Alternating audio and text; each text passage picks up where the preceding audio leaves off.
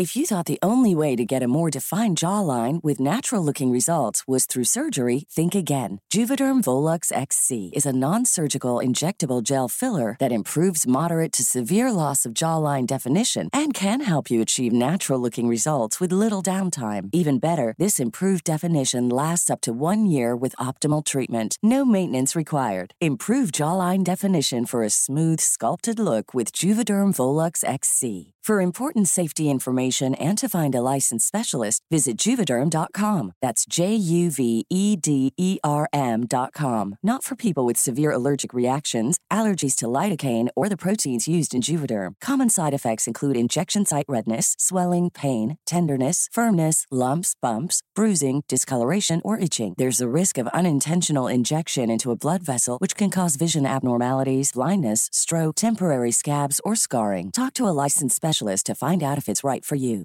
Hey, I'm Ryan Reynolds. At Mint Mobile, we like to do the opposite of what Big Wireless does. They charge you a lot, we charge you a little. So naturally, when they announced they'd be raising their prices due to inflation, we decided to deflate our prices due to not hating you. That's right. We're cutting the price of Mint Unlimited from $30 a month to just $15 a month. Give it a try at mintmobile.com slash switch. $45 upfront for three months plus taxes and fees. Promo rate for new customers for limited time. Unlimited more than 40 gigabytes per month. Slows. Full terms at mintmobile.com.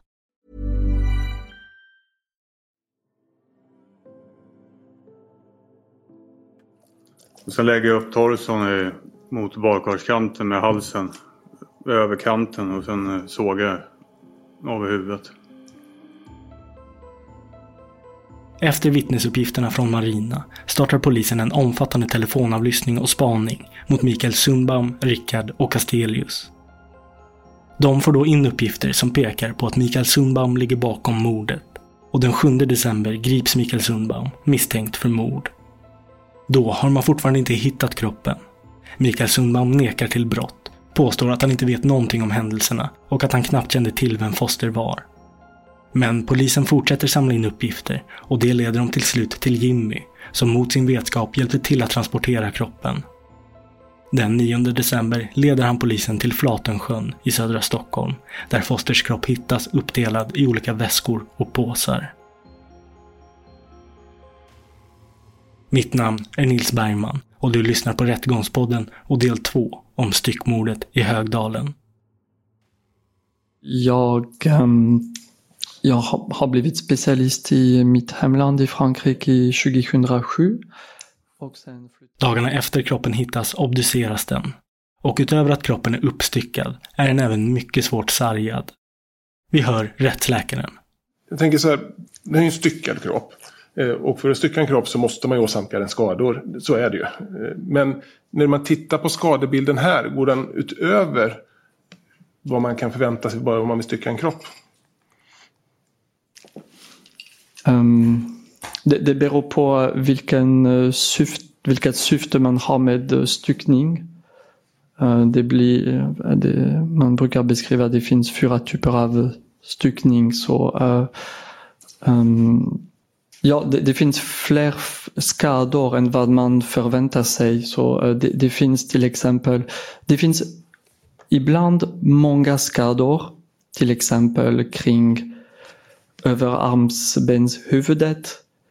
Men man förstår att man har försökt att separera armen eh, från bollen och till slut man lyckades inte så man har tagit skulderbladet. Men, men det finns många skador men för, förmodligen försökte man att stycka kroppen, eh, separera armen från bollen. Men sen det finns vissa skador, eh, till exempel det finns många stickskador i ryggen där man, ja, man inte behöver utföra för att separera ja, olika kroppsdelar. Du sa det finns fyra olika sorter. Ja, det- ja. Vilka fyra är det? Um, Det, det första det är um, därför att bli av med kroppen och försvåra identifieringen. Eh, den andra det är när det finns övervåld, det finns mer skador än vad man behöver. Uh, och den, uh, den tredje typen det är uh, när man vill skända kroppen Och det är till exempel när man tar bort manslem och sätter det i munnen. Eh, här till exempel manslemmen är helt oskadad. Det finns uh, inte sånt. Och sen det är den fjärde typen är nekromanisk och man vill behålla en del av kroppen. Och vi, uh, vi ser i de um, fyra typer, vi har, man ser att man vill bli av med kroppen. Det ser man för det är i fyra olika be behållare. De man, har, man har inte lämnat kroppen där för att alla ska titta. Det har man inte gjort. Sen det finns mer våld än nödvändigt för att separera en kropp. Då har man andra typen. Men de två andra typer har jag inte sett. För uh, man har inte gjort någonting för att skända kroppen och att alla ska se och man har inte behållit någon del av kroppen. Så transport och övervåld? Ja. Mm. Kroppen är utsatt för kraftigt övervåld. Utöver många knivhugg i ryggen är ögonen stuckna med kniv och ansiktet är flott. Och man ser även kraftiga skador mot skallen. Det var en skallbassfraktur och när vi, vi tittar att det finns en, um, en krossskada bakom högra örat och sen i samma nivå finns det en blödning i högra tinningmuskeln. och sen finns det en uh, avskild benfragment med ett enda fraktursystem. Det talar för att dessa skador har uppkommit samtidigt. Mm. De skadorna, är de i sig dödliga? Du, du menar uh, hela skadebilden i uh, huvudet? Ja. Det, det, kan vara en, det kan vara dödligt och det kan vara en dödsorsak.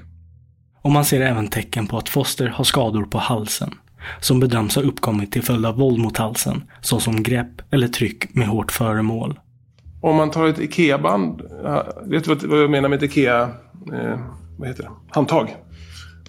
Om man tar ett sånt och drar åt om halsen på någon, skulle man kunna få de här skadorna då?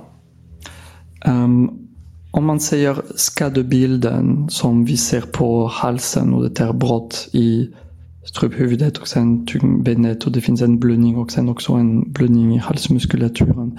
Då är det um, också um, ospecifikt våld mot halsen. Så det kan vara att man trycker med en hand men det kan också vara med ett föremål. Ja, som... På grund av att det har dröjt så länge innan kroppen hittas har rättsläkaren svårt att avgöra exakt när skadorna på kroppen inträffade. Halsskadan kan ha inträffat i samband med att Foster dog men kan också ha uppkommit efter döden. Så på något sätt vi, vi har uttryckt oss med en lägre nivå av säkerhet och också skrivit att det kan vara efter dödens inträde. Ja. För annars brukar vi skriva att talar starkt för att de har varit färska. Mm. Och det gäller alla skador om jag förstår riktigt. Både de här skadorna i huvudet. Ja. ja. Mm. Så de kan också ha uppkommit eh, kanske ett dygn efteråt. Ja. När Mikael Sundbaum grips nekar han till all inblandning. Kroppen hittas dagen efter det och det hålls sedan flera förhör med Mikael. Han inser att polisen med sin avlyssning och spaning har mycket att gå på och börjar sakta men säkert berätta mer och mer. Men historierna ändras. När han väl befinner sig i Södertörns tingsrätt i juli 2019 och fått ta del av allt förundersökningsmaterial hävdar han nödvärn. Han erkänner att han är skyldig till Fosters död och att han har styckat kroppen. Men menar att det inte rör sig om ett uppsåtligt mord. Och då är det precis som tidigare att du har rätt och möjlighet om du själv vill lämna en egen berättelse om vad som har hänt de här dagarna först. Ja. Vi hör Mikael Sundbaum. Ja, den här kvällen då är jag och Rickard Micke på väg till Hylla. Restaurangen i centrum. Jag får ett samtal av Marina. Där, hon säger att jag, det, jag hade rätt. Hon hade vaknat upp, känt sig drogad. Och att eh, Foster hade förgripit sig på henne. Då ber jag henne säga till honom att lämna lägenheten. Men det vill hon inte göra för hon känner att hon är rädd. Vågar inte. Så hon vill att jag kommer dit. Jag säger till henne att jag är på väg. Så jag tar mig dit snabbt. Marina låser upp dörren. Jag går in, till, kollar hur hon ja, mår. Sen går jag in och frågar var Foster sitter. Då säger han att han sitter i barnrummet. Går jag in dit och säger till honom att avlägsna härifrån snabbt. För att skynda dig. Och han mumlar till någonting och reser sig. Och så slår han mot mig med vänsterhanden, träffar mig på kinden. Och jag kontrar med två slag. Vänster och höger. Och han blir knockad, slår runt och går i golvet. Och slår i huvudet hårt. Sen försöker jag ta honom och lyfta ut honom själv i lägenheten. Men jag känner att eh, kroppen är levlös, det är som gelé. Jag tar honom i axeln och lyfter upp honom i sängen. Lägger, ja, lägger honom i sängen. Sen går jag ut och ringer till eh, Micke eller Rickard. Jag kommer inte ihåg exakt vem han. Då står de utanför så jag springer ner.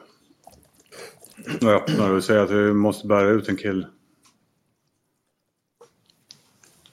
Eh, vi går upp i lägenheten samtidigt. In i rummet. Jag märker att han är... Jag förstår att han är död. Han ligger. När jag rör på honom då rosslar det bara. I kroppen. Jag, ber, eh, jag kommer inte ihåg om det är Micke eller Rick. Vi går in i rummet och så bär vi ut honom. Lägger han i köket. Ser det är samma där när vi lyfter honom, då rosslar han. Så lägger jag honom där, försöker skaka på honom, inget liv. Det blir panik där mitt i allting. Jag undrar vad fan, vad ska man göra nu? Jag kan inte bära ut honom som han är. Sen går jag in i vardagsrummet och skär av ett rep. Där från Ikea-kassan. Jag går tillbaks in, skakar på honom igen, ställer mig över honom och skakar, ser om det är något liv. Inget liv i honom alls. Och sen för att kunna flytta honom så binder jag benen. För att kunna ha som ett handtag.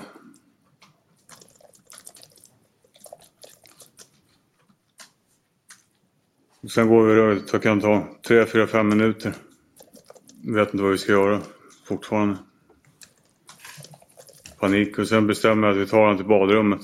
Eftersom han blöder. Blöder rätt mycket i munnen.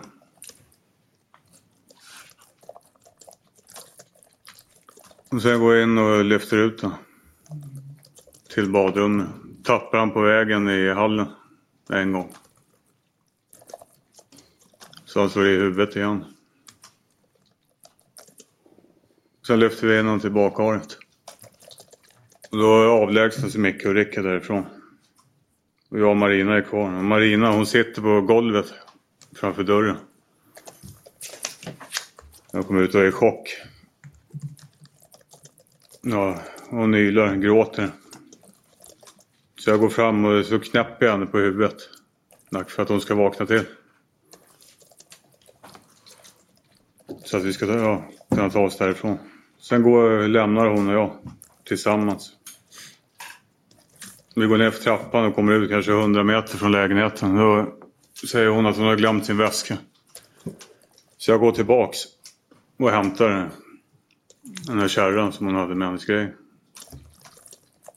Och hon går väl vidare och möter upp Rickard och Micke i centrum.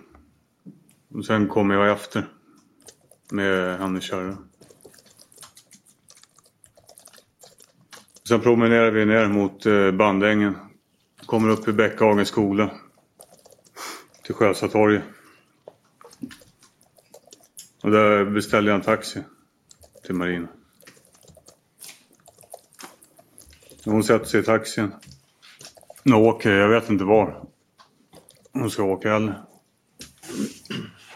För adressen hon åker till, det är inte jag som beställer. Men hon ringer till mig sen och säger att hon eh, har åkt till lägenheten. För hon är i chock. Hon vill inte vara själv hon vill inte åka hem till sin mamma och Edvin när hon var så här. Så jag går dit och möter upp henne. Men sen spenderar vi natten där i lägenhet? Och på morgonen lämnar hon och åker till Hagsätra, vad jag tror Vi har ju kvar sovet har i lägenheten. Och funderar på vad man ska göra. För att få undan kroppen. Då bestämmer jag för att stycka honom. För att få undan. Sen träffar jag upp, ringer Micke, går hem till honom, snackar lite om allt möjligt. Sen tar jag en såg hemma hos honom. Går tillbaks till lägenheten. Jag är där kanske en timme. Går ner och till centrum efter käkar. Man har inte riktigt bestämt sig om vad vi ska utföra det. Sen träffar jag upp Rickard. Efter så går vi upp i lägenheten. Det är framåt. Ja. Efter lunch det kan det vara två, tre, fyra. Den 26. Eh, så påbörjar styckningen av foster. Rickard han är, där, han är med några minuter och sen sticker han iväg. Kommer väl tillbaks någon gång. Under själva styckningen. Men jag styckar kroppen. Benen först. Armarna. Och sen lägger jag upp torson i, mot bakgårdskanten med halsen. Över kanten och sen eh, sågar jag av huvudet. Och sen förpackar jag allting i plastsäckar. Och lägger det i sovrummet bredvid. Och sen står det där i fyra dagar innan vi får tag i någon bil. Och då får jag tag i Jimmy som ställer upp. Och han är ju ovetande om det. Så kör vi ut till eh, Oren. Lastar av kroppen där. Och det blir ju bråttom för jag hade tänkt att sänka kroppen i sjön. Men det finns ingen tid att göra det så väskor och allting blir kvar. Och sen lämnar vi. Ja, och åker tillbaka och städar av det sista.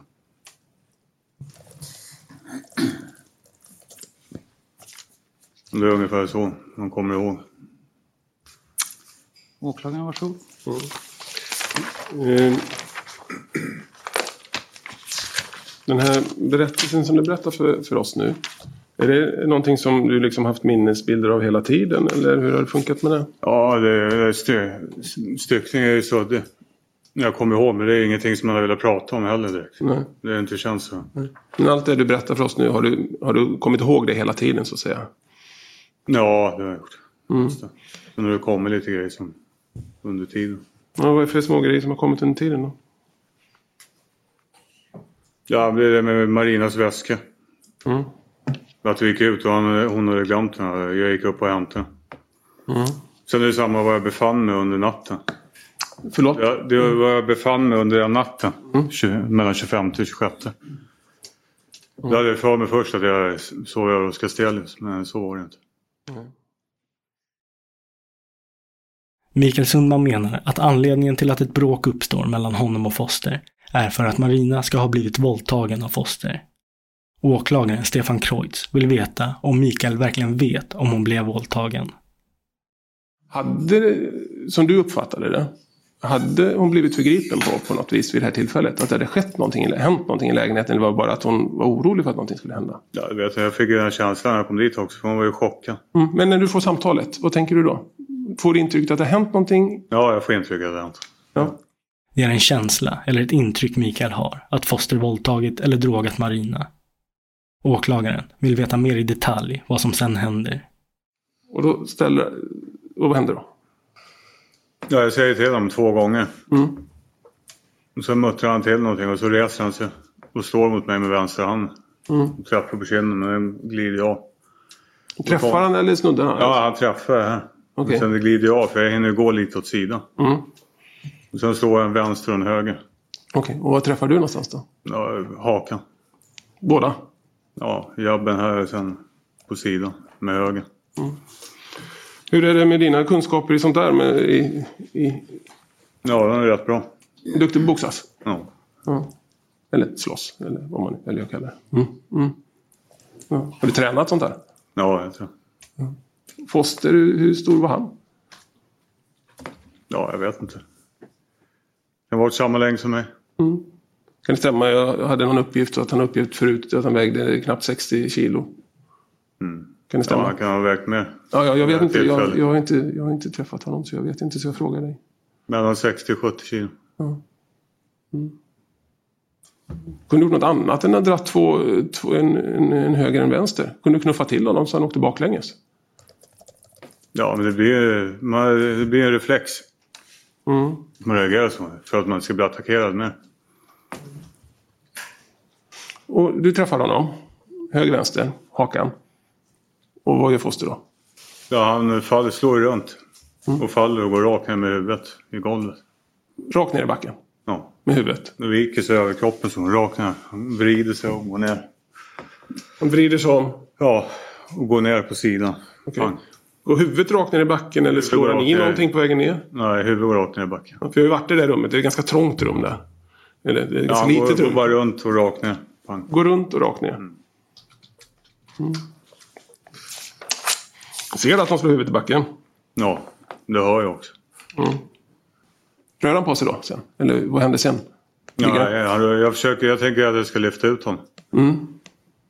Det hade inte varit något problem. Som inte väger så mycket. Nej. Men jag känner att Kroy, han är helt... Det är som gelé. Ja. Det känns som att han väger dubbelt så mycket. Mm. Så jag lägger upp honom i sängen. Och hur ligger han i sängen? Ja, han ligger med magen över. Och sen benen ner. Och huvudet? Nedanför. Ja, huvudet ligger i sängen. Uppåt eller neråt? Eller åt sidan? Ja, åt sidan. Åt sidan. Mm. Andas han? Nej, jag har, det är bara rosslande som jag har. Okej. Och vad gjorde du då sa du? Ja, då går jag ut och ringer till Micke eller Rickard. Okej. Och varför ringer du inte en ambulans? Ja, jag vet inte. Det skedet man har panik. För vad då? Ja, men det som har hänt. Ja. Man känner ju på sig att han är, om han är död. ja. Men du blir attackerad säger du? Ja. Men det är ingenting man tänker på. Men blir du inte lite orolig för om han rosslar och så här, blir du inte lite orolig för att, det ska, att han ska dö som han faktiskt gör? Jo, det är klart. Och jag fick ju känslan att han var. Men bryr du dig inte om det då? Jo, det är klart jag är det. Ja. Men varför ringer du inte en ambulans då? Ja, det vet jag inte. Det var chock, panik. Brydde du dig om om han dog eller inte? Ja, det är klart. Ja. Och då ställer jag frågan, varför ringer du inte en ambulans om du bryr dig? Jag har ingen aning. Jag har ingen aning. Men man vill ju skydda sig själv. Om man har någon som är död i lägenheten. Man är påverkad och Så det viktiga är att skydda stressad. ja. Blir stressad av situationen. Det blir panik. Det är viktigare att skydda dig själv än att han kanske kan överleva. Är det så jag ska förstå det? Ja, det blir ju den tanken som man får direkt. Oh. Åklagaren vill nu höra Mikael kring varför hans historia ändrat så mycket från de första förhören till det han berättar nu. Han misstänker att Mikael berättar om detaljen att Foster slår huvudet i golvet för att ha en förklaring till skallskadan i huvudet. Foster ska enligt Mikael dock inte ha dött av den skadan och i det första förhöret menar Mikael att Foster levde och rörde sig när Mikael sedan lämnade rummet. Din uppfattning är att när du lägger honom i sängen, då är han död. Ja. Mm. Det kommer lukter avföring och så. Kom det avföring där? Ja, det luk, börjar lukta. Luktar. lukta av den. Mm. Och så sa du att han rosslade. Ja, det rostade till när jag löfte. Okej, vad, hur då?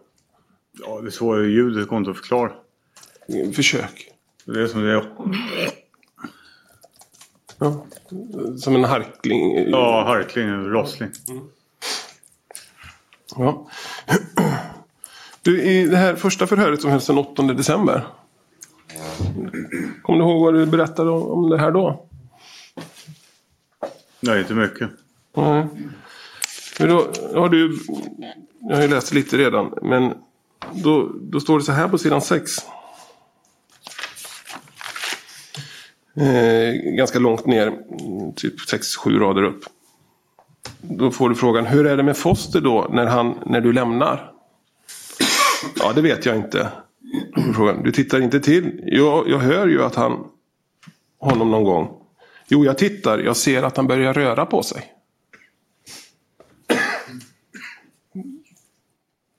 Det har du sagt att, att han rör på sig. Ja, det är känslan jag får när jag hör rosslingen. Det är bara känslan jag får när jag lämnar rummet. Alltså jag frågade, Ing- jag frågade precis om din uppfattning var att han var död när du la honom i sängen och då svarade du ja. Hur kan du få en känsla att han det var det jag trodde. Det är känslan. Ja.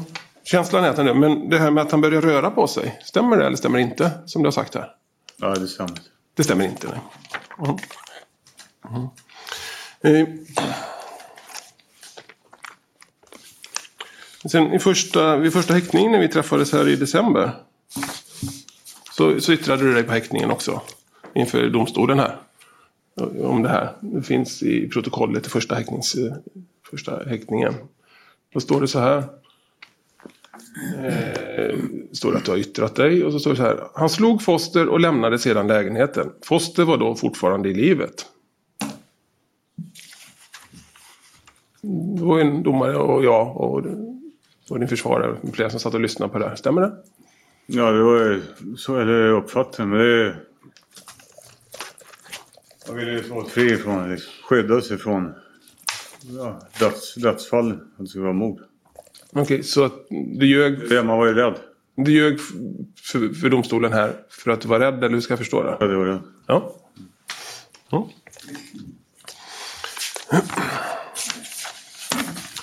Eh, när slutade du vara rädd då? Ja, de har inte gjort det. Nej, men alltså nu berätt, eftersom du har ju ändrat din historia. Så någon gång måste du komma på att Ja, det måste ha varit för i- Man förstod redan när jag hittade kroppen. var det då du ändrade dig? Ja.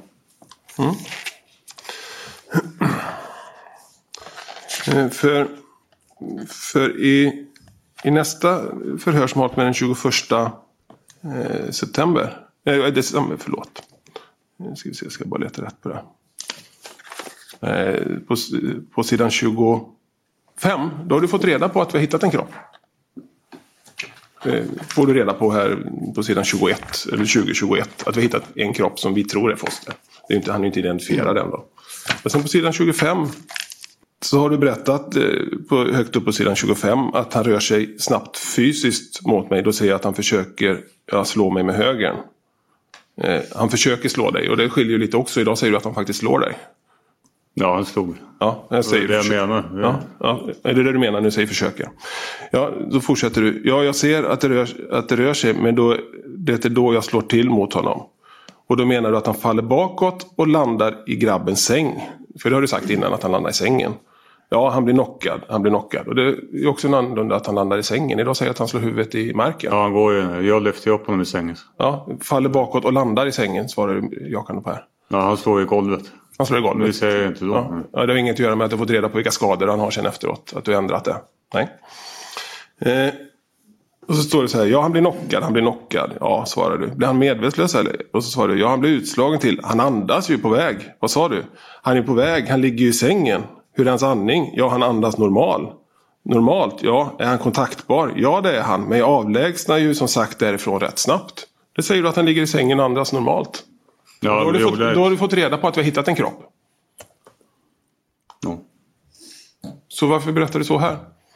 Ja, jag vet inte. Det är fortfarande för att skydda mig. Mm. Det är rädslan för mordet. Men du har ju inte mördat någon säger du. Nej, det har jag inte gjort. Men det, man tänker ju att det är så. Hur tänker man? Ja, när man har slagit någon i alla fall och man känner, ja, märker att han är död. Det är det första man tänker.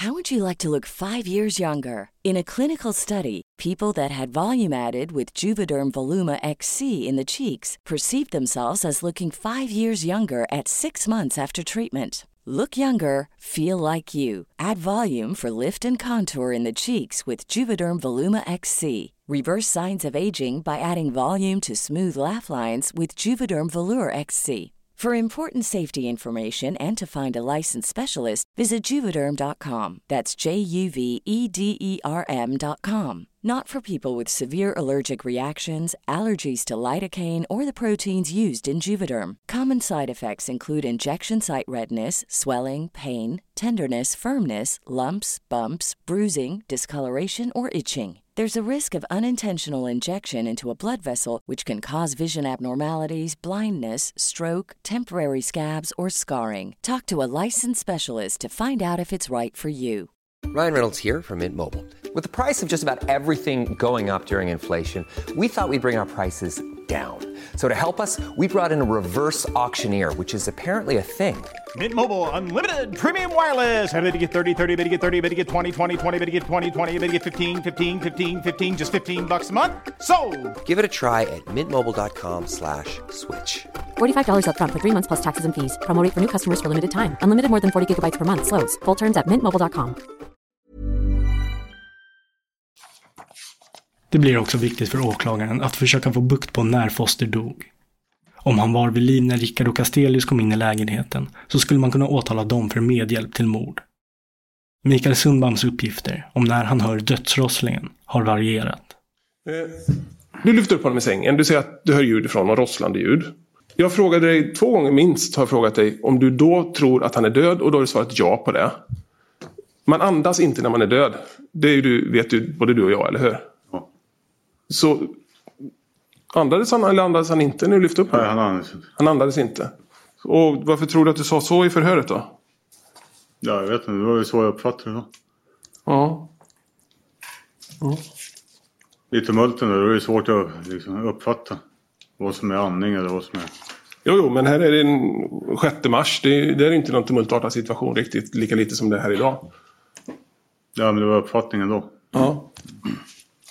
För då har du ändå suttit häktad, eller varit frihetsberövad i tre månader ungefär. No. Så, långt var, så långt var din uppfattning så i alla fall. Ja. Du, Marina beskriver ju att hon hör något, ja, hon beskriver småbråk tror jag hon uttryckt sig, eller något i den stilen. Inne och att Foster säger sluta, sluta. Säger han sluta, sluta? Nej. Det var bara 10 sekunder. 10-20 sekunder. Men Hon beskriver ju, som jag förstår det, till skillnad från dig, ett något, något längre förlopp. Att det först är lite bråk. Foster säger sluta, sluta och sen hör hon smällarna. Nej, det stämmer inte. Det stämmer inte. Nej. Nej. Du, när han ligger i köket så sa du att han låg på, på mage, stämmer det? Ja. Hur är ansiktet? Ja, det ligger på sidan. Så. Åt sidan? Ja. Eh, Efter det att ni har bärt ut honom i köket, låter han någonting då? Nej.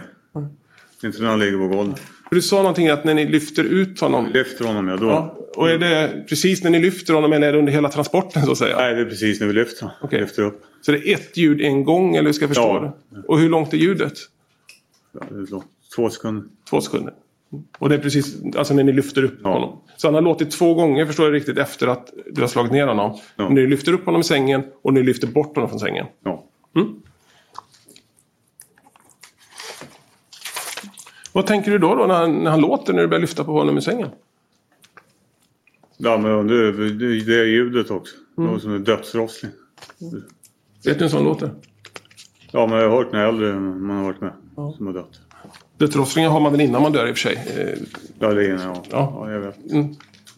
För dödsrossling är ett ljud som man har i slutet. Det, låter, det, är som, det är ett ljud som jag aldrig har hört. Så det, Rätten bryter för lunch innan man går in på själva styckningen. Mikael berättar att Rickard och även Castellius är med vid olika tidpunkter för styckandet, som pågår i fem dagar. Men det nekar de till. Sen när ni kommer upp i lägenheten, alltså Marinas lägenhet. Vilka är det som kommer dit då? Alltså när ni, när ni börjar med styckningen. Eller du börjar med styckningen. ja, det är jag och Rickard. Du och Rickard. Mm. Och hur är arbetsfördelningen er emellan? Ja, Rickard förpackar. Okej, och när du säger förpacka, vad menar du då? Jag lägger kroppsdelarna i sopsäck. Okej. Var befinner han sig? Ja, nere i hallen. I hallen? Mm.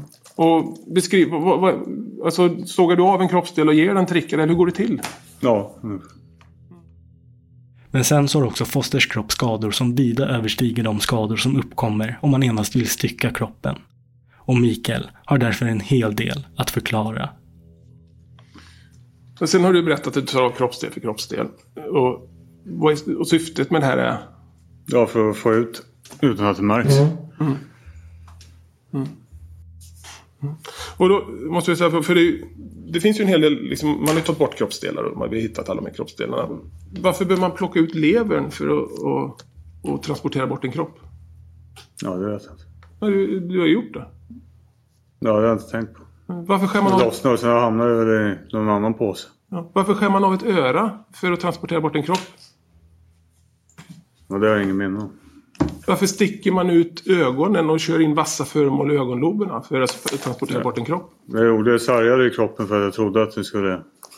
Förruttnelsen skulle gå snabbare. Du sargar i kroppen för att förruttningen ska gå... Hur går den fortare då? Beskriv. Nej, det vet jag inte. Det var bara någonting som jag trodde.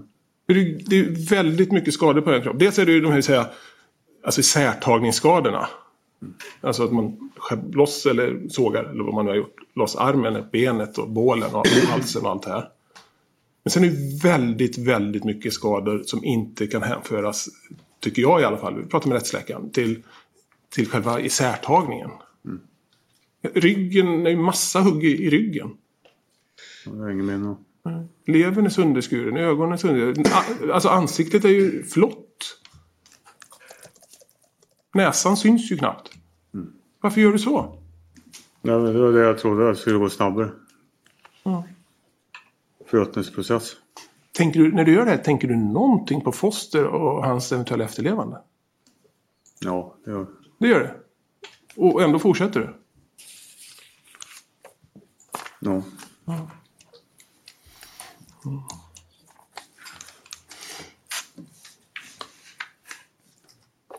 Hur tänker på det idag då? ja, det är jobbigt. Är det? Ja.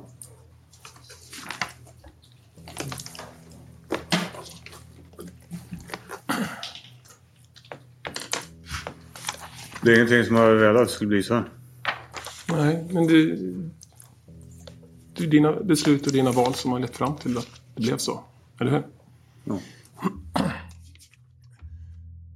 Åklagaren går vidare till de andra punkterna som Mikael står åtalad för. Det gäller brotten mot Marina, som innefattar hot och misshandel och övergrepp i rättssak. Det vill säga att han försökt hota henne till att inte vittna mot honom. Marina har ju berättat att du säger eh, att hon inte får säga något till någon för då skulle du eh, plocka, tror hon sa igår, familj och vänner och henne. Har du sagt så till henne? Nej. Nej.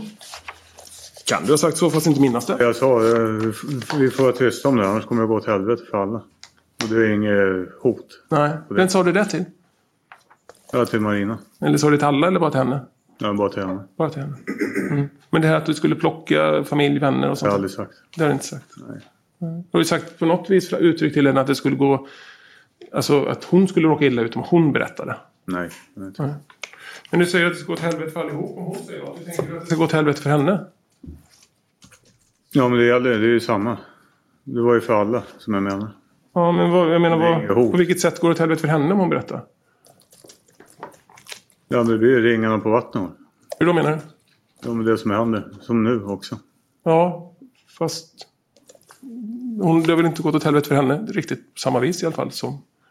Nej, men det påverkar relationer. Men du har inte sagt så, så det inte... Nej. Nej. Eh, och sen berättar du en händelse som var lik den hon berättade, men inte riktigt likadan. Det här på golvet i hallen. Du sa, om jag förstår riktigt, att hon satt ner och du knackade till henne med knogen. Eller förstår Ja, när du skulle därifrån. Ja. För hon var i chocktillstånd. ja. För att få liv igen. ja. Hon beskriver ju att du har liksom vridit ner henne med armen på något vänster. Nej, det har jag inte gjort. Det har du inte gjort. Nej. Nej. Och sen att hon har fått ett hårt slag i huvudet som gjorde ont och att hon blev lite yr och, och det sitter fast kvar länge efteråt att hon hade ont. Nej. Det har du inte gjort. Inget Var det en hård knack i huvudet? Nej, jag gjorde så.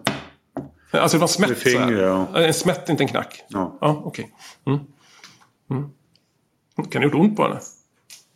Ja, vet jag inte. Nej. Det är ingenting jag märkte då. Nej. Och gällande hoten som Mikael uttrycker över telefon till Marina menar han att det bara var skämt. Och då säger du, ja men hon har talat bredvid mun. Och sen säger du, då, då, kommer, då kommer jag ringa mina grabbar och sen någonting som inte hörs. Vad menar du med det? Vad ska du göra med Marina om man har pratat bredvid mun? Ingenting. Vilka grabbar ska du ringa? Det var mer skämtsamt sagt. Det var skämtsamt sagt. Ja, okej. I de avlyssnade samtalen till Mikaels vän Helen framkommer även där att han har planer på att hämnas mot Marina om hon skulle prata. Så har du sagt så här. Nej, men hon har ställt till det med någon jävla grej här som hon kommer att få leva med. Eller inte. Det sa jag till, det sa jag till henne. Antingen pallar du nu eller så tar jag dig direkt samtidigt. Det var ju de grejerna hon fick välja mellan. Så pallar hon inte nu, då åker jag ut dit jag tror hon är. Ja, det är det. Jag skulle tolkar ta- det. Ja, jag skulle försöka få tag i henne och prata med henne. Hon, Inget annat. hon har ställt till med en jävla grej här som hon kommer få leva med. Eller inte. Det sa jag till henne. Har du sagt till henne att hon inte får... Nej, det har jag sagt. Nej. Har du sagt antingen pallar du nu eller så tar jag det direkt samtidigt? Det var de grejerna hon fick välja mellan. Nej, det har jag inte sagt. Men varför säger du det till Helena? Nej, jag vet inte. Nej, för, Man var snurrig. Men Marina berättar ju att du har sagt precis så. Hon har ju ingen aning av att du kommer säga det till Helen. Förstår du? Så har jag inte sagt till till Nej, Marina. men Marina har ju uttryckt att du, har, att du har hotat henne till livet om hon säger någonting. Och här säger ju du någonting som i alla fall jag tolkar som att det är det du ger uttryck för här också. Ja, men så är det inte. Du har inte sagt så till Marina i lägenheten. Det jag sa att vi kommer, då går det åt helvete för alla. Antingen pallar du nu eller så tar jag det dig direkt samtidigt. Det är så du säger till Helen i alla fall. Ja, det låter. Ja. Mm. Eh, ska vi se om vi har något mer i den här. Helen har i sina förhör berättat att Mikael sagt att han mördat Foster och att han även har visat hur han på något sätt vred nacken av honom. Men det är inget Mikael håller med om. Hade du berättat för Helen eller hade du inte berättat för Helen hur du, hade död, hur du dödade Foster? Alltså hur det gick till när han dog? Nej, jag sa ju att det- han hade attackerat mig och sen hade jag slagit tillbaks. Och han ramlade och såg ut som han bröt nacken. Ja. Visade du det på något vis? Nej, jag visade bara slagen. Visade slaget? Ja, så. Det här stickvapnet, som jag kallar det, som påträffades under hyllan inne i, i, i barnrummet. Vet du vilket jag pratar om då? Fogsläp. Va? Ja, jag vet. Det här vassa föremålet med någon tejp runt. Som tejpat handtag. Vad är det för någonting, vet du det? Jag ska ha varit en fogsläp. För att foga, foga tegel. Foga tegel? Okej. Har den använts mot foster på något vis? Nej. Hur många verktyg använder du mot foster? Ja, det jag minns är kniv och såg. Okej. Använder du en hammare? Ja, det gjorde jag. Och, vad använder du hammaren till? Ja, det var för att bryta loss. Okej. De här slagen i huvudet, kommer du ihåg? Jag läste upp om dem. Ja. De är ju i alla fall den här doktorn som är duktig på sånt där med ben och sånt. Och tittar på det och har uppfattningen att det är i alla fall välliknande klodelen på en hammare. Har du slagit honom med en, med en hammare i huvudet? Och det jag kommer ihåg är att det hände dagen efter. Dagen Marina efter? ringde. Ja, det- Dagen efter så gjorde du vad då? ja då kan jag slaga honom med hammare. Var någonstans? Ja, mot huvudet. Okej. Och varför slår du honom mot hu- huvudet med en hammare dagen efter? Ja, jag vet inte. Jag var till Marina ringde och hotade mig. Då var jag irriterad. Nu satt jag på att ta av kläder. Ja. Men det finns en massa andra saker än att slå en död människa i huvudet med en hammare som man kan göra om man blir irriterad på någon. Ja, jag... Det var inget bra svar på. Nej. Hade du hammaren vid kroppen då? Eller, hur kom sig, eller gick du och hämtade hammaren? kroppen. Ja. Hade du hammaren i badrummet? Ja. Okej. Och du... Hur har det varit? din- Du och Marina då, har du... Har du, har du gjort henne illa på något vis i det här? Du har slagit henne, hotat henne? Nej. har du inte, nej. Har du gjort det innan? Nej. Jag har Aldrig? fått avvärja henne, tagit tag i henne hårt. Jag har gjort, men jag har aldrig slagit henne. Aldrig? Har du gjort henne illa på något annat vis? Nej, vi har varit taskiga i mun mot vi varit. Är du dömd för brott mot henne? Nej, är jag inte. Sträck på det. Hade du någon rättegång för länge sedan men det... Ja, det hade du. Eh, 2013. Helt i onödan. 2013. Då blev du dömd till ringa misshandel mot henne. Kommer du ihåg det? Nej, det var inte. För att du hade tagit eh, stryptag på henne. Nej, det är inte. Nej, det, du är dömd för det. Jag har ju domen här så att det är fakta liksom. Det är inte Jag, gjorde, jag hade inte gjort. Ja, du är dömd för det i alla fall. Så Jag är en aggressiv person, person själv. Nej. Men jag tänker, alltså, det är ju Marina som råkar illa ut och det är stryptag. Och nu pratar vi också stryptag och Marina har råkat illa ut. I och för sig inte i samma, i samma gärning men en tillfällighet bara. Mm. Jag har inga fler frågor just nu. I början av juli 2019 avslutas tingsrättsförhandlingarna i Södertörns tingsrätt. Den 18 juli faller domen. En man dömdes idag till 18 års fängelse för styckmordet i Högdalen i Stockholm förra hösten. Två andra män döms tillsammans med mannen för brott mot griftefrid för att ha styckat kroppen och fört bort den från mordplatsen. De två frias dock från medhjälp till mord. Mikael Sundbaum döms av tingsrätten för mord, misshandel, olaga hot, övergrepp i rättssak och brott mot griftefriden till fängelse i 18 år. I domen står att när det gäller mordet på Foster hör det utan tvekan till några av de mest allvarliga fallen av uppsåtligt dödande. Gärningen har visserligen inte varit planerad under någon längre tid, men det är inte fråga om något ögonblickligt infall. Istället har Mikael Sundbaum haft en god tid på sig att tänka över vad han skulle göra när han anlände till lägenheten. Foster har inte utgjort något allvarligt hot mot honom och han har trots detta använt våld mot henne. Det är också klarlagt att Mikael Sundam sedan tidigare hyst agg mot Foster. Efter att våldsanvändningen inletts har Mikael Sundam haft gott om tid att tänka över situationen och avbryta sitt beteende. Han har också haft möjligheten att tillkalla hjälp eller på annat sätt försöka göra vad han kunnat för att få Foster att överleva. Detta har han inte gjort. Istället har han tagit hjälp av andra personer, placerat Foster vid sina fötter och därefter i praktiken avrättat Foster genom att strypa honom. Det går heller inte i sammanhanget att bortse från att gärningen haft inslag av rasistiska förtecken med tanke på vad Mikael Sundbaum kallat Foster. Till detta kommer dock ytterligare mycket allvarlig brottslighet. Det brott mot griftefrid som Mikael Sundbaum gjort sig skyldig till är så bestialiskt att annat straffvärde än maxstraffet på två års fängelse inte kan komma i fråga. Rickard och Castelius döms båda för brott mot griftefrid och skyddande av brottsling till fängelse i tre år. Du har lyssnat på Rättegångspodden och om styckmordet i Högdalen. Ansvarig utgivare är Jonas Häger och mitt namn är Nils Bergman. Stort tack för att du prenumererar.